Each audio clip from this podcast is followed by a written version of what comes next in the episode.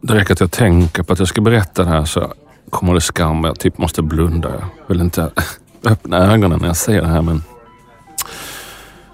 det känns så konstigt nu men det var en tid när jag kom in på kaféer eller gick på någon fest och min första tanke var hur många hatar mig här? Och hur många kommer att berätta det för mig när jag går härifrån igen? Jag var nämligen, hade helt plötsligt eh, blivit symbol för eh, antifeministen. Jag var inte antifeminist men jag hade liksom kritiserat feminismen för att missa männen. I samband med att vi hade släppt en bok om män som startar en hemlig kramklubb. Och, eh, och då gick det ganska snabbt att jag ifrån den här ja, PK-killen som har varit det hela mitt liv. Plötsligt liksom ansågs som vad jag upplevde som, som, som ond. Ungefär som att jag hade våldtagit någon men jag hade bara tyckt någonting och, som hade gjort att massa människor hade trott att jag hade tyckt något annat. Och eh,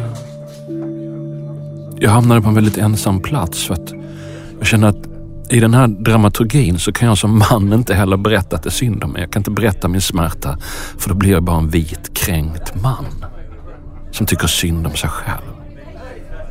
Så jag, det enda som återstod var skam, min egen tystnad och blicken i marken. Och jag kunde inte ens skriva det här, inte ens i min dagbok kunde jag skriva hur jag mådde för att jag kände mig att jag var patetisk. För jag är ju en vit man. Liksom. Eh.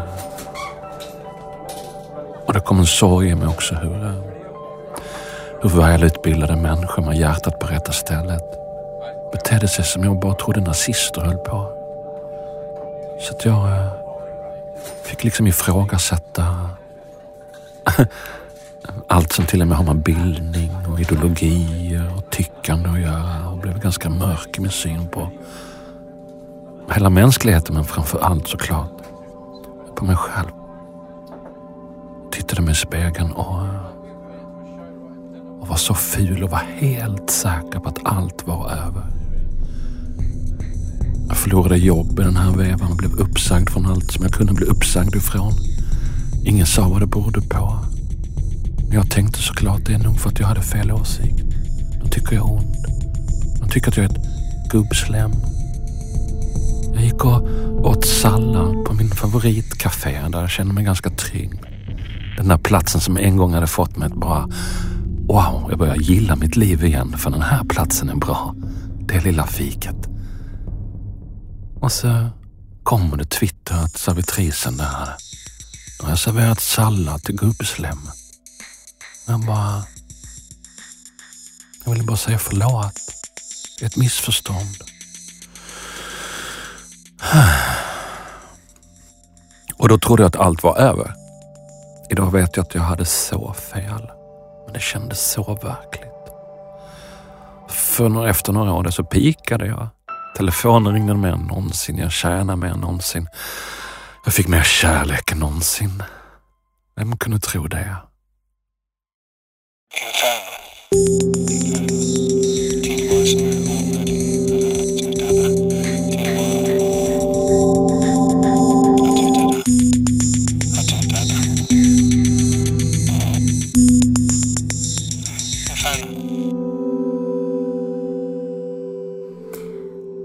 Välkomna till eh, Inferno, podden där vi pratar om det mörker som kan drabba människor men också om hur man kan ta sig vidare ut ur mörkret och mot ljuset.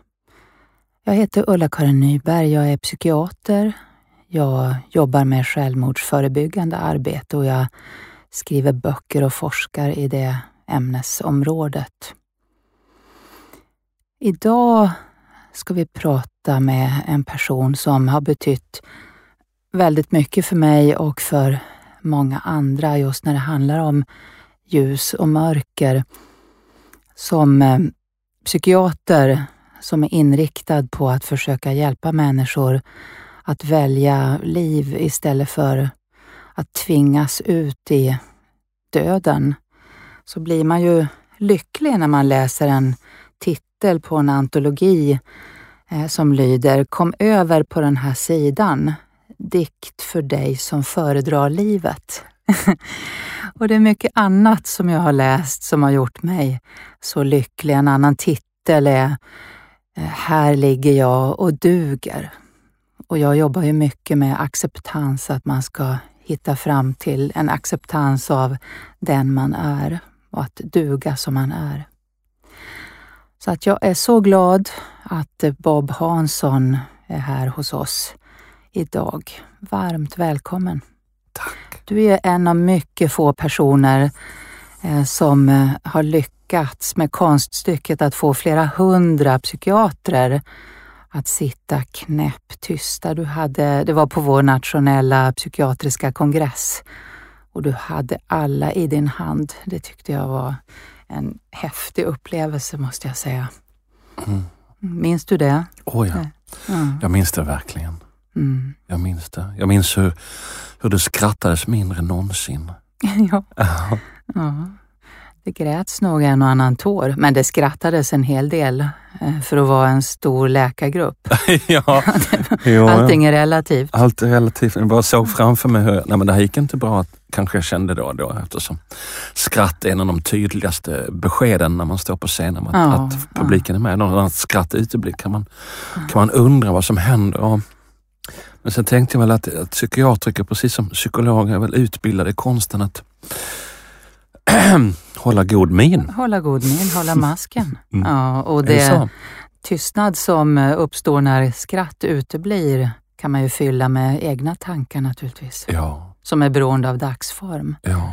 Men du, du börjar ju med att berätta någonting som är väldigt viktigt, som jag tror många känner igen sig i, hur ett, en händelse som leder till skam kan förändra hur man ser både på sig själv och världen.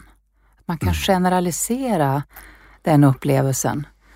Och det var inte bara du som generaliserade utan det var alla andra också, eller åtminstone kändes det så. Mm. Hur, hur gjorde du för att ta dig vidare? Mm. Jag först skämdes att jag inte kunde ta mig vidare. Jag skämdes för att de här antalet röster som, eh, som kom, som var liksom mer än tio, men nog färre än hundra. Hur jag lät dem bestämma. Mm över hela mitt liv. Jag inte kunde värja mig mot det.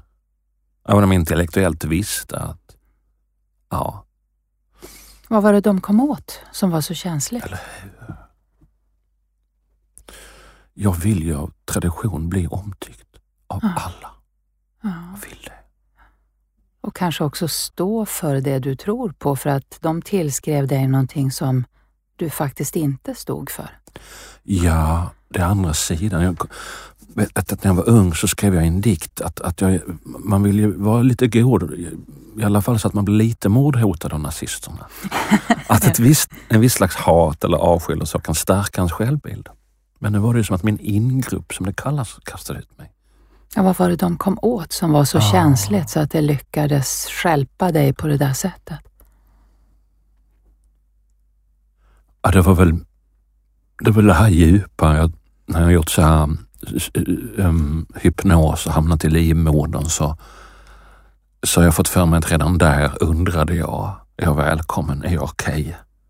Min mamma ansökte man bort, det var innan det var innan det var, man fick ansöka, hon fick avslag då. Men, och jag vet inte om det var så eller om det är en vuxen efterkonstruktionen, en berättelse för, men hur som haver så har jag tidigt undrat är jag okej? Okay? Och får jag vara med? Och jag ledde en kurs för ett tag sedan. och Då gjorde vi en övning när vi skulle skriva om första gången du känner dig speciell. Och så gjorde vi det och folk läste upp och väldigt rörande. Sen, ja, vilken fråga har det lett till?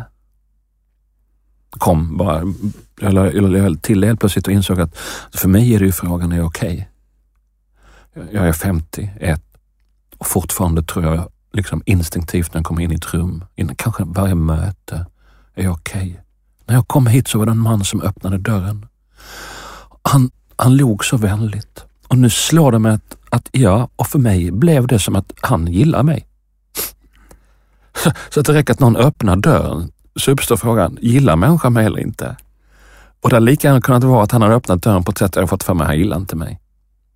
Nej. Hade du suttit i då, hade det påverkat dig eller har du lärt dig med åren att släppa det?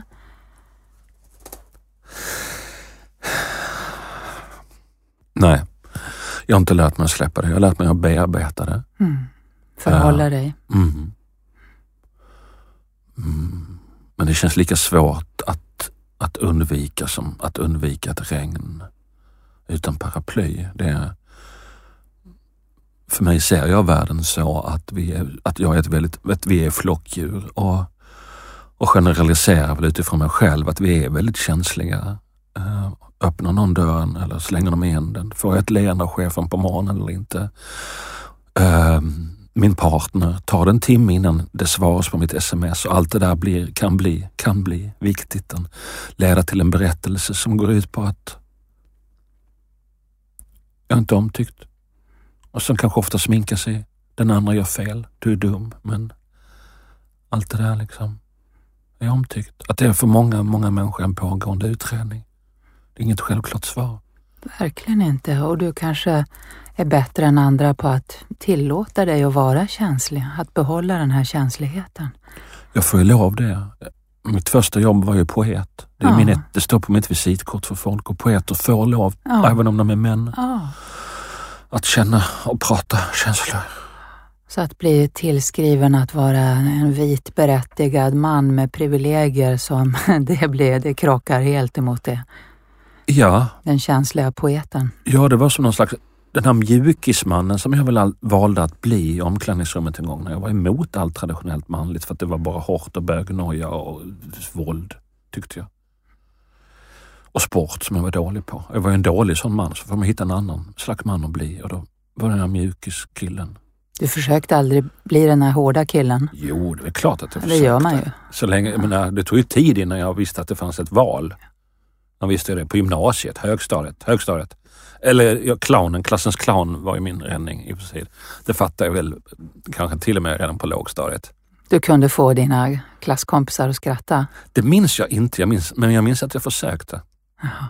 Och på den vägen har det varit. mm. Mm.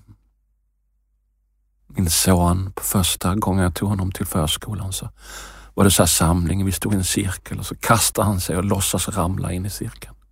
Jag bara, är det genetiskt? Ja. För det fortsatte han göra.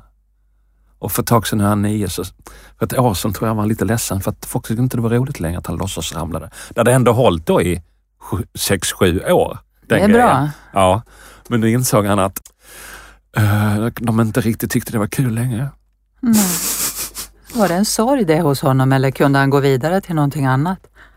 Jag tror han har gått vidare till något annat. Men det var också en sorg. Det ena utesluter inte det andra. Och när kände du dig trygg med mjukismannen? Mm. Eller gör du det? Bra fråga. Nu är jag inte bara mjukisman. Allting går ju i vågor. Jag kom till ett läge där jag kände att jag ville återerövra det klassiskt maskulina istället för att skambelägga det som jag hade gjort på något sätt. Mm. Att den traditionella mannen bara är sport och dålig. Jag är ju en traditionell man också. Mm. Antingen jag vill eller inte.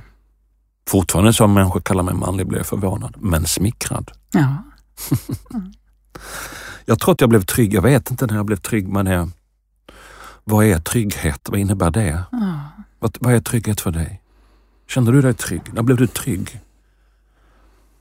Jag tror att det handlar om att kunna blanda ljus och mörker och kunna acceptera det som är ovälkommet och gilla det som är välkommet. Att båda finns. Och inte ägna så mycket tid åt att försöka förbättra eller förändra. Ja, men jag känner mig ganska trygg och jag kan ju säga när det blev så, det var ju som det ofta är för kvinnor särskilt, det var när jag fick barn. Ha. Då blev jag trygg. Alltså då satt jag med den här lilla personen i mina armar och så tänkte jag att det är det här livet handlar om. Och innan det hade jag varit väldigt vilsen. Men då visste jag, det här, det här är mitt, det här är det viktiga. Hur gammal var du då? 25. Ja, det är, det är inte så mycket nu för tiden. Nej. Då var du, var du utbildad psykiatriker? Då? Ja, då höll jag på att läsa till läkare så okej. att jag fick honom under studierna och han hängde med överallt. Så att. Ja. Men jag lärde mig, alltså det som gjorde att jag blev psykiater, det var ju att människor pratade med mig. Det var någonting jättetidigt, att mina patienter berättade saker för mig som de inte berättade för andra läkare. Och då, då- tänkte jag att det ja. här kanske jag ska ägna mig åt. Mm, varför gjorde de det? Jag tror kanske för att jag har tänkt rätt så mycket på både det ljusa och det mörka, att jag har en ganska accepterande hållning till. Jag, jag tror inte att jag moraliserar eller värderar så mycket, utan jag är nog ganska inbjudande på det sättet. Mm. Jag vet att det kan bli lite hur som helst för människor. Ja. Och man har tur om det går bra. Det hade lika gärna kunnat gå mindre bra eller det hade lika gärna kunnat vara jag som satt där. Åh, de orden för mig, blev, det blev som att du tappade upp ett varmt bad. Livsrädslan, dödsrädslan, att bli utkastad ur flocken, det är väl något primalt? Ja. Men det här, för jag tycker det finns så mycket ljus hos dig. Mm. Så det, det är så mycket lust och glädje och halleluja och vägar till livet och kraften och glädjen. Det är ju ett sånt stråk. Och jag, vi, har, vi spelar ju in ett program. Eh, Du har ju ditt fina program i Sveriges Radio. Eh, Vad heter programmet? något Bob Hansson och livet. Nej, om livet. Det borde Bob vara Han- och livet, men det är om livet. Bob och Hansson om livet. om livet. Och så Ja. hade vi ett program som handlade om livet efter självmord.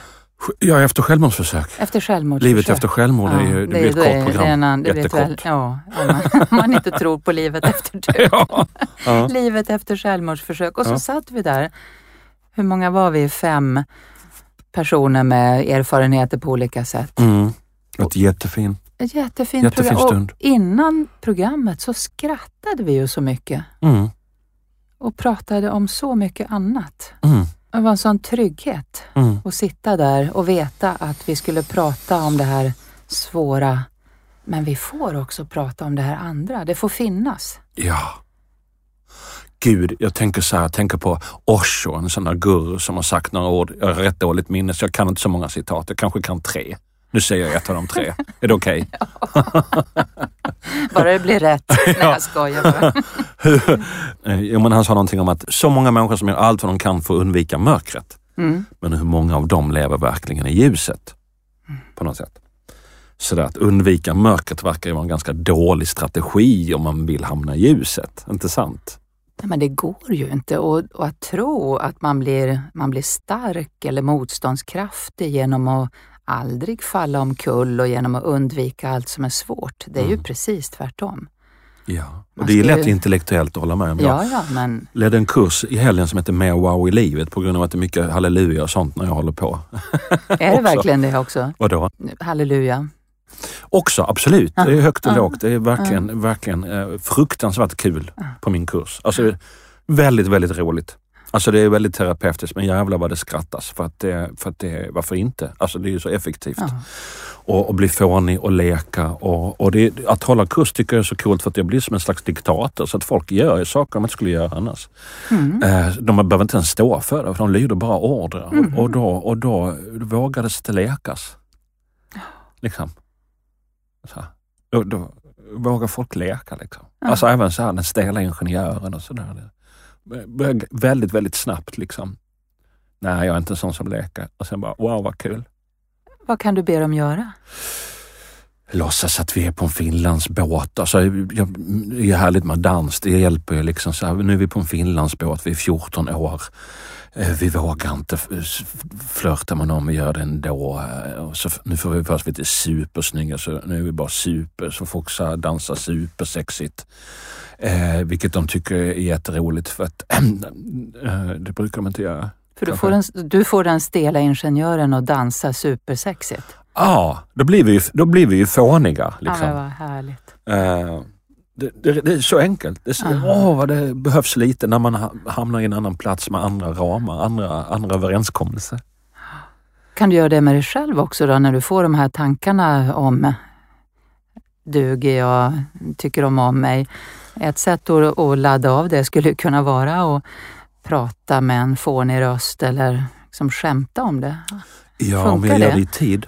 Om jag Ja. gör det i tid. Mm.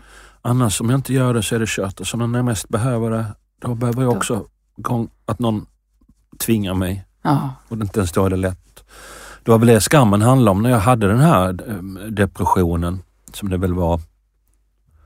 Eh, Skam över att jag inte tog mig ur den, för jag har ju massa redskap som jag inte använde. Nej, det är ju det med depression att den berövar dig alla redskap. Ja. Och jag tror att det är det med depression hos män också, att man skäms över att inte ha sina redskap. ja. Jag läste en Mm. skamforskare tror jag, som skrev att, att för männen så var det att inte kunna kontrollera sina känslor. Att ha släppt kontroll över sina känslor. Det var den vanligaste. Liksom. Nu visar jag för mycket känslor. Mm.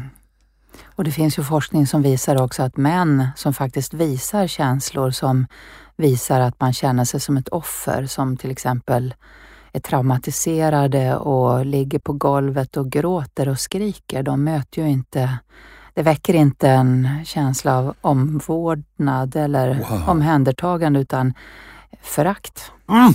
Väcker förakt. Det var, där, det var det jag skulle säga när jag ledde den här kursen. Wow, och sen eh, Johan, då fick jag ju, man går ju också sin egen kurs och då fick jag den här in, liksom som rörde mig till tårar att jag längtar ju efter att komma nära kvinnor. Någonting som hindrar mig är att jag har ett inre barn som vill lägga mig i knät. Jag fattar att du älskar mannen och poeten och allt det där. Men det finns ett barn här som undrar, är jag också älskat? Och där vågar inte jag Nej. jag vågar inte lägga mig och vara svag i knät. Jag är. Tvärtom går ju bra. Alltså så här att vara faderlig. Åh, det, det är attraktivt. Jag kan liksom, det är liksom något sexuellt i det på något sätt. Det är inte avtändande. Nej, nej. Men det känns väldigt avtändande och jag har hört så många kvinnor, man vill inte vara mamma till sin partner la la la la la. Så att jag bara, fan, och att jag inte vågar visa mitt barn för kvinnor. Är det därför män går iväg på fotboll och spelar så mycket spel? För att, Ja. för att liksom hitta miljö utan kvinnor de kan få fram sitt barn. För att det, och så säger du då detta. Det är ju hemskt. Är det så? Ja. En svag man väcker... Förakt. Om det visar på ett, en svag man som visar det på ett tydligt sätt. Ja, Mm. trösta mig, ta hand om mig. Jag är liten, jag behöver dig. Då väcker det förakt hos både kvinnor och män. Mm. Ja, det överensstämmer med- med min emotionella Mm. tolkning av Men världen. gråta kan man ju göra. Män kan ju också gråta, fast på ett kontrollerat sätt. Ja, just det. Eller hur? På ett manligt sätt. Ja, men det, jag jobbar ju väldigt mycket med att vara transparent och visa svaghet i min, i min yrkesroll eller, och sådär. Va? Och, och det är ju lätt för mig för där är jag ju eh, kung på scen. Och då kan jag visa svaghet. För då håller jag också det själv. Mm. Och, och det går ju väldigt bra. Känns det som. Det känns ju som mod att våga stå på scenen, att ha kontroll och så samtidigt släppa fram lite känslor. Det är ju modigt. Ja. Utan att någon överhuvudtaget kan få för sig att man måste göra något åt det. Då, då kommer nog empatin. För du ber ju inte någon i- publiken trösta dig, Nej. annat än genom att skratta och vara med. Ja. Och det är ju alla gärna förstås. Jo. Dela på distans. Ja.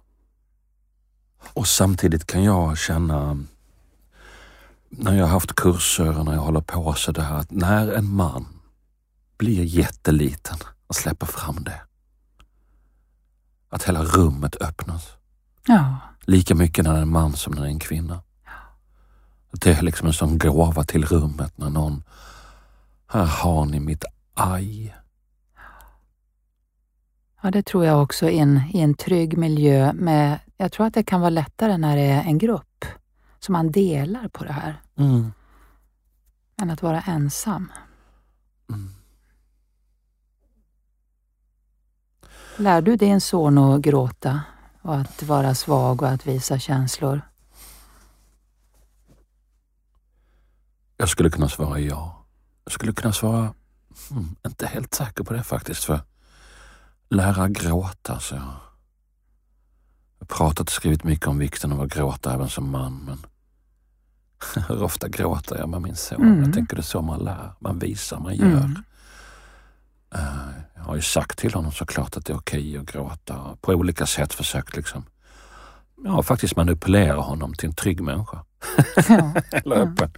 Men har jag gråtit inför honom och det har jag väl gjort men jag- vet också att, jag, att det kommer en röst som säger jag ska inte gråta ner med honom. Jag ska vara stark ner med honom. Han ska inte behöva ta hand om mig. Mm. Då kanske han utvecklar en medberoende personlighet. Mm.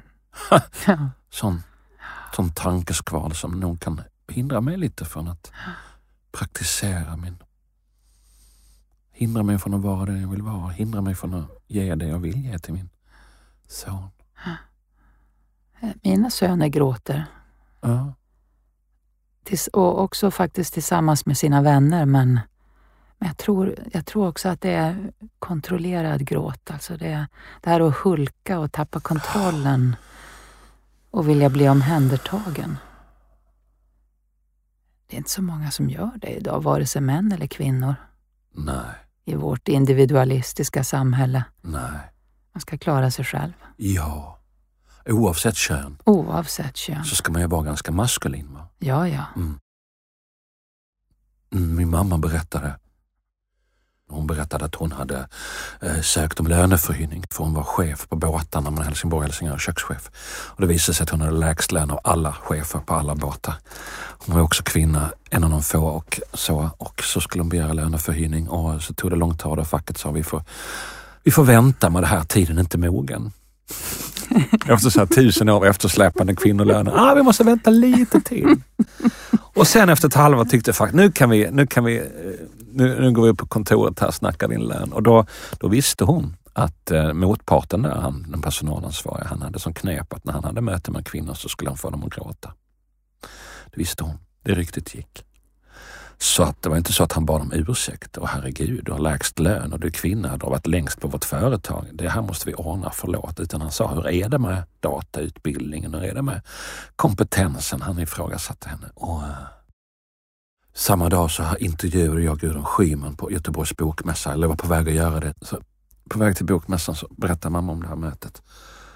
Hon berättade med stolthet i rösten att eh, han inte hade fått henne att gråta. Och för henne så var det då eh, en seger.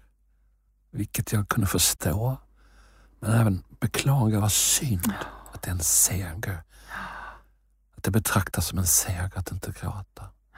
När det skulle kunna bara, här är alla mina tårar. Men min rygg är fortfarande rak. Här Just. ser du hur viktigt det här är för mig. Och, eh, Och här ser du konsekvensen av hur du beter dig. Det är Ja. inte jag som ska skärpa till mig på grund av att du beter dig illa, mm, utan det är du som ska lära dig av mina tårar. Ja, tänk om vi kunde resonera så. Så här illa gjorde du mig. ah, Så här ont gör det nu. Ja, hur professionellt känns det att få andra att gråta? Ja, Och sen gick jag till bokmässan och intervju, hade jag det här samtalet med Gudrun och hon började gråta på scen. gjorde hon det? Och, och det som var så fint var att hon, att just tänk att det hände samma dag, att hon, hennes rygg var som så ofta rak, stolt. Hon tog inte fram någon näsduk och tog, bort hårna. Hon lät dem vara kvar för tusen människor i rummet. Hon lät dem vara kvar. Och det i sin tur jag hörde jag att hälften av rest, resten, hälften av publiken började också gråta. Eller blev tårögd. rättare Blev du sagt. det? Jag tror inte det. Vet du vad jag, jag, upp, jag avslöjade mig själv med att tänka tanken, wow, hon gråter. Vilket scoop typ. Eller vad bra. Det här, nu går det bra på jobbet, hon bölar. Precis. Lite som min mammas eh, chef där. Ja. Och det är väl begripligt? Du var ju där på jobb. Ja, jag var där på jobb och tårna som ett tecken på att nu är det viktigt, nu händer det någonting. Nu, Mm. nu nådde vi någonstans. Och det gjorde vi. Alltså det, det var ju ett magiskt samtal. Du, jag, jag tänkte, det, det är mycket som du har skrivit som, som klickar igång saker hos mig. Till exempel det här att man ska ringa och frisk Mm. anmäla sig. Kan inte komma och jobba idag. Nej, varför då? Är du sjuk? Nej, jag är inte sjuk. Jag är så frisk för att komma och jobba idag. Ja. Jag kanske kommer imorgon. Ja. Man känner mig sämre igen. Så går dikten. Ja. Ja. ja, men det är så fint. Tänk om man kunde anmäla sig till livet. Det är ju det, är ju det jag försöker med mina ja. patienter. Anmäl dig till livet, hur livet finns för dig.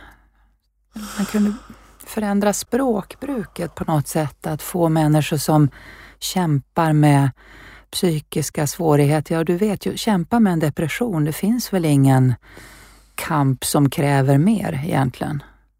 Finns verkligen anledning att vara stolt när man har tagit sig igenom. Och så ska man se på sig själv som en svag stackare eller ett problem. Ja, du frågade innan vad som tog mig ur det och jag Ja. svarade inte. Det var ju att jag bestämde mig för att prioritera vänner. Jag hade ju dragit mig in i mitt skal. Det var ju väldigt mycket Netflix. Jaha, Väldigt mycket. Där var jag trygg i tv-soffan. du gick in i en annan berättelse än din egen så, Ja. och vilade från. Ja, och min hjärna trodde nu händer det grejer. Jag håller på att avslöja en konspiration i Vita huset här. Jag glömde liksom bort att jag bara satt och åt popcorn Mm. själv. Mm. Blev eh, skygg bland folk, ville Mm. gå hem, blev trött.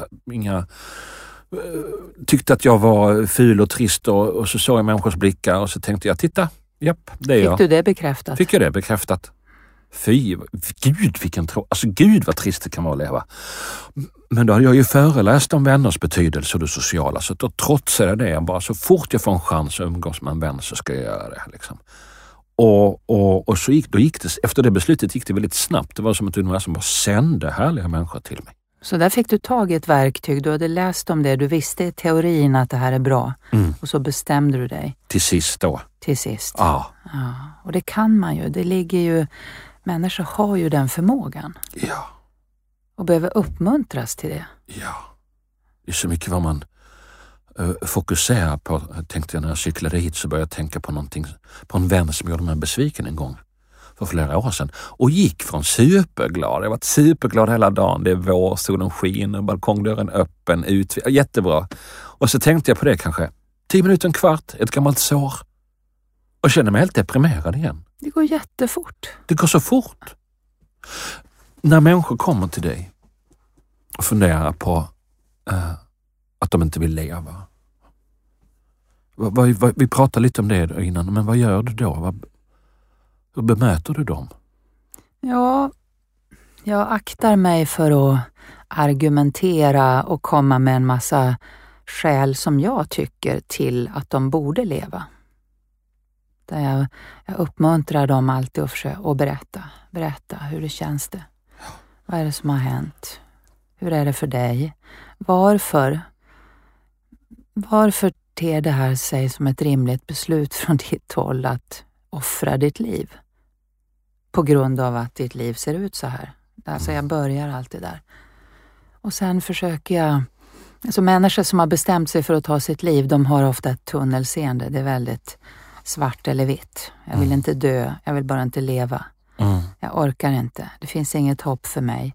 Det kommer aldrig att bli bättre. Man har konstruerat en massa sanningar. Aha. Eller till och med, världen blir en bättre plats utan mig. Ja, Alla får det bättre om jag inte finns. ja, Och börjar man argumentera med det, då tvingar man ju dem att Mm. liksom förstärka Mm. sina beslut genom i deras tycke giltiga argument. Det är ingen idé. nej. Så att jag försöker få dem att berätta om saker de uppskattar hos sig själva, till exempel. Ibland får de skriva en lista på saker de uppskattar hos sig själva. De får berätta om någon fin egenskap de har. Mm. Och jag kan lyfta saker som att tänka att du sitter här och berättar för mig, en vilt främmande person, om det här djupt personliga. Tänk att du kan det, det är ju fantastiskt. Och vad jag lär mig mycket av dig. Och vad, vad bra att du kom hit. Och vad glad jag är att vi kunde sitta här, du och jag.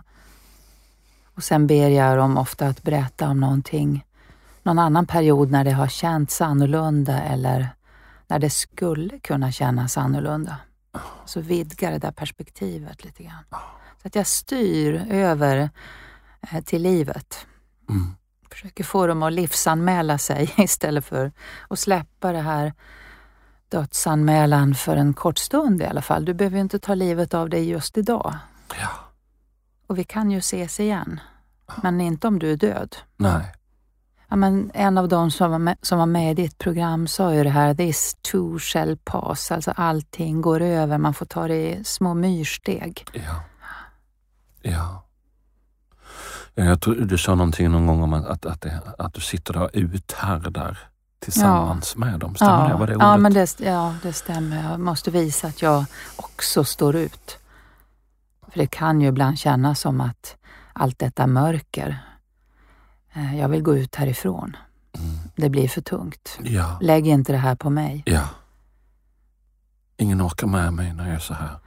Och det måste man.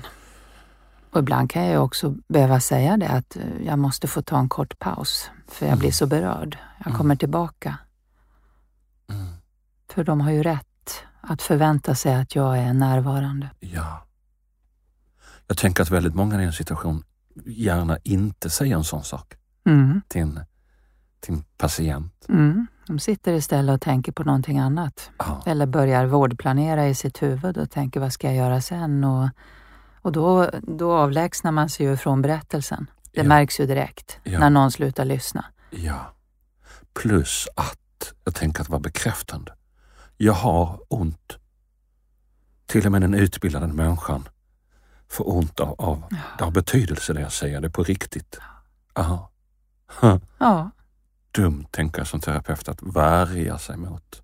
Mm. Och helt Ja. begripligt, för man vill inte Ja, vara oprofessionell.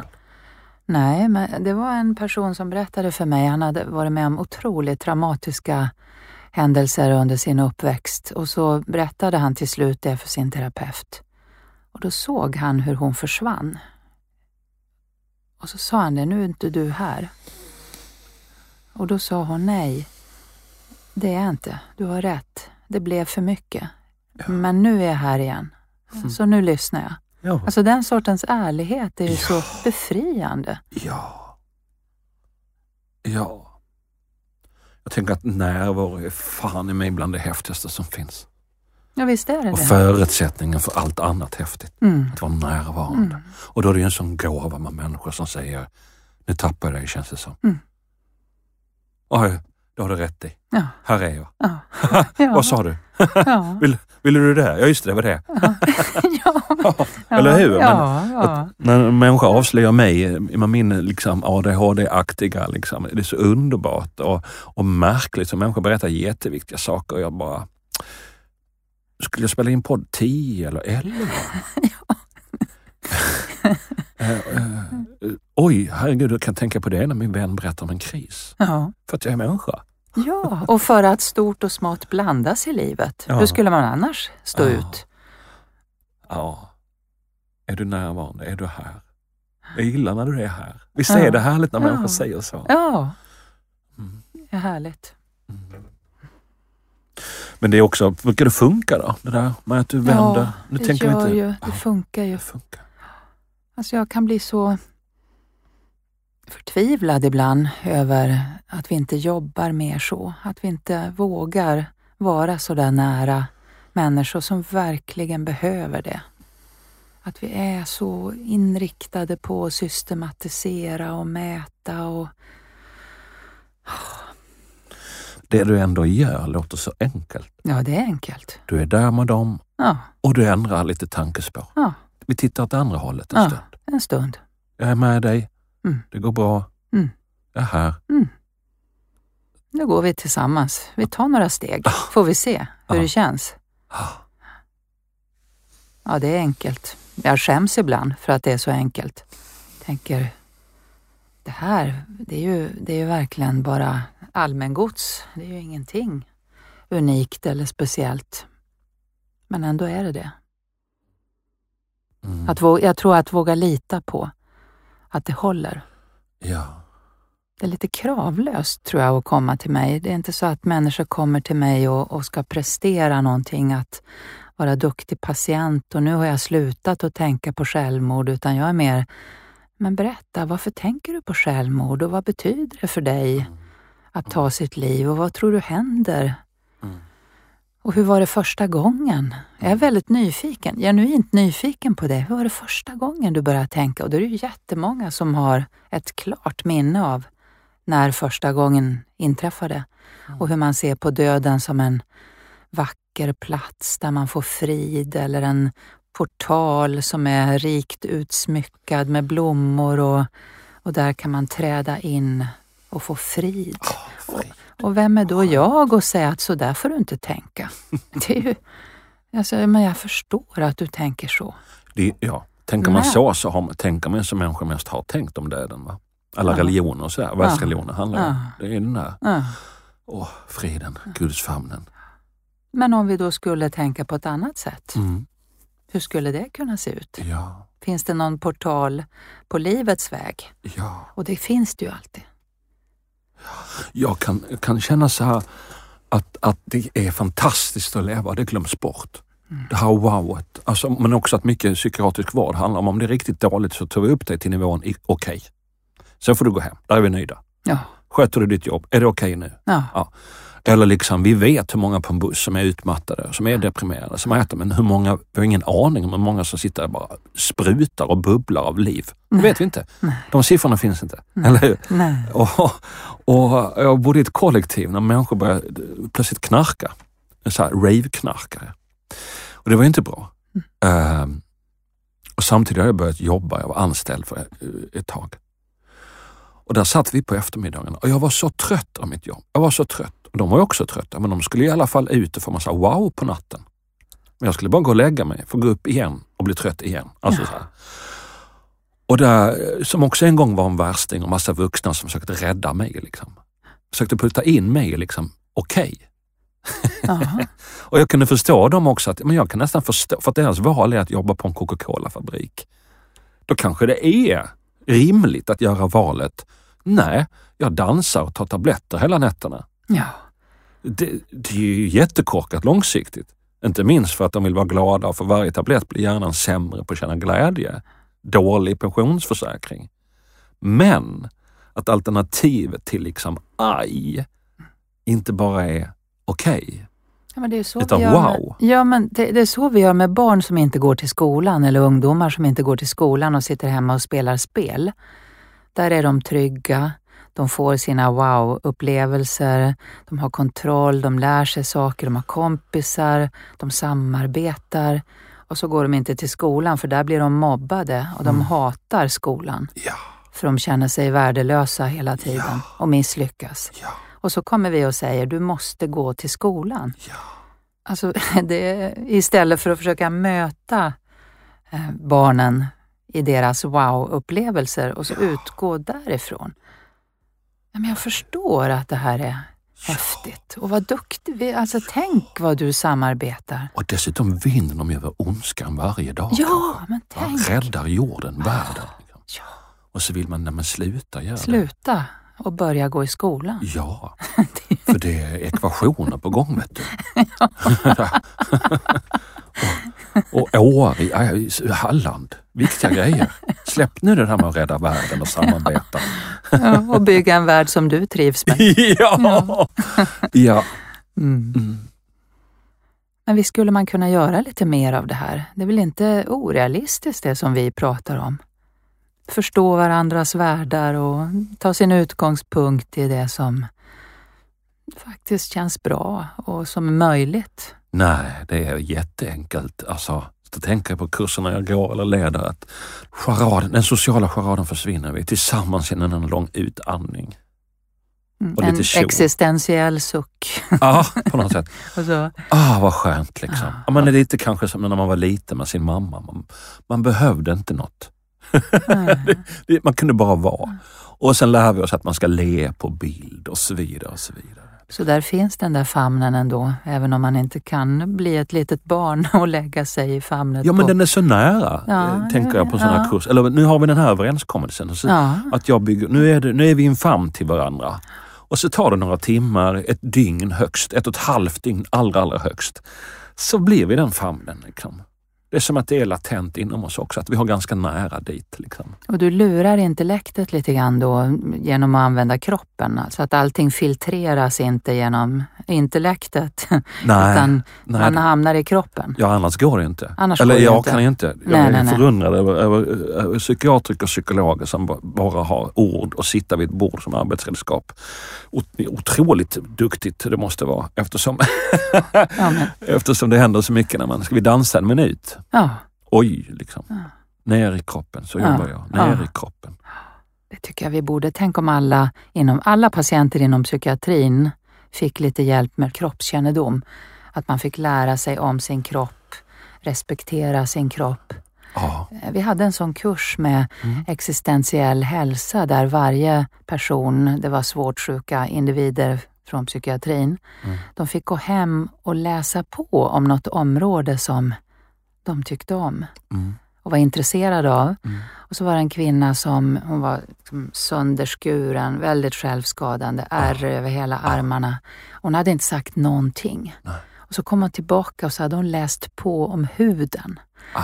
Så liksom, le- hon visade då för gruppen sin sargade arm och så började de prata om huden och alla lager och de små musklerna som finns runt varje hårstrå.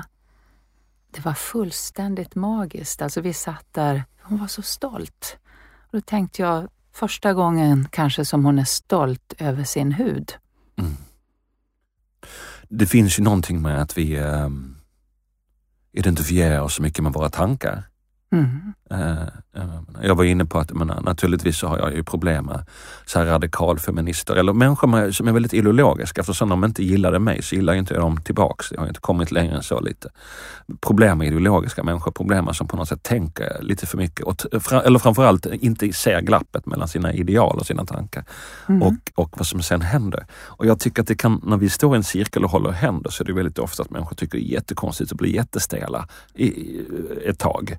Men sen bara den grejen, hur den gör någonting med oss. Man har inte gjort det kanske sedan man var barn. Och jag kan säga att du är okej, jag kan säga att du är okej, men att så står vi där och håller händerna. Och bara en sån enkel sak. Ett sånt uråldrigt redskap, eller hur? Mm. När våra barn är ledsna. Vi håller dem i handen. Ja. Det gör vi inte utan anledning. Nej. Men, men i ditt jobb, liksom, som vuxna människor, när är det okej att hålla varandra i händerna då? Vi avslutade varje kurs med att stå i ring och hålla varandra i handen och inte bara inte på vanligt sätt utan eh, med ena handen så höll vi den andres hand eh, med handflatan uppåt Mm. och med den andra handen så hade vi handryggen uppåt och symboliken är då att vi, vi alltid buren av någon, vi håller någon och vi blir burna eller blir hållna av någon annan. Ja. Och det där var så starkt och alla gjorde det. Mm. Och vi dansade med pinnar och ja men det var verkligen, Och massa annat som låter helt fånigt när man Helt säger fånigt, det ja. eller ser det på film. Men när man gör det Mm. så är det ganska basic liksom. ganska basic Ja. och inte så märkvärdigt. Och kan förändra saker i rask takt. Mm. Ja, jag tror jag ska ansöka till en av dina kurser. Det känns... Alltså, alltså, ja, det är väldigt lång väntetid. Eller så bara... ja. Anmäla mig. Mm, vilken hedersgäst. Det skulle vara roligt. Ja, jag är så glad över att du kom hit. Mm, jag också. Mm. Jag känner till och med så glädje över att du finns. Ja, det gör jag också. Ja, sen första gången faktiskt som jag hörde dig så har jag känt så. Vilken Känt vad? glädje att han finns. Jaha, men jag känner, ja, ja du fattar. Mm, jag fattar. jag, jag känner också en väldig glädje att jag finns. Det är ju helt otroligt. Mm, Tänk att man finns. Alltså tänk att man finns. ja. Och hur kan jag på något sätt få för mig att det är viktigt att min mage putar mot det här? Men shit, man finns. Ja. Eller hur? Ja. Skillnaden mellan att finnas och inte finnas är ju enorm. Skillnaden mellan att ha magen som putar eller inte putar, den är i sammanhanget skitliten. Det, är ju ingen, det är ju ingenting. Nej. Oväsentligt. Ka- kanske ingen annanstans i universum är det liv. Liksom. Mm. Det kanske, kanske inte, vi vet inte. Mm. Det är jättelångt bort i så Mm. fall. Den här delen av universum så är det väl bara liv här. Och så finns, går vi runt här och typ helt mirakel och bara nej, min mage, min mage är faktiskt, hur ser jag mig? Kolla den är för stor, den är alldeles för stor. Säger vem som helst. det är inte bra. Jag får vänta med att vara lycklig till den blivit mindre igen. Du Bob, om, eh, om man vill läsa eh, någonting som du har skrivit eller det finns ju mycket annat också på Sveriges Radio. Ja, allvarligt Allvarligt talat, jag ett väldigt ja. bra program. Väldigt bra program. Som andra leder nu, som fortfarande är bra. Men det var bra när jag ledde det. Och, det, och mina svar, det är frågor och svar. Mm. Folk ställer frågor om allt ifrån Mm. varför finns det en, hur ska man göra när man möter en risk för ras-skylt på vägen till hur ska man göra när man inte gillar sin mamma. Eh, och så som också finns en bok. Eh, Just det. Allvarligt talat. Eh, Du skrev nio böcker va? Många fler.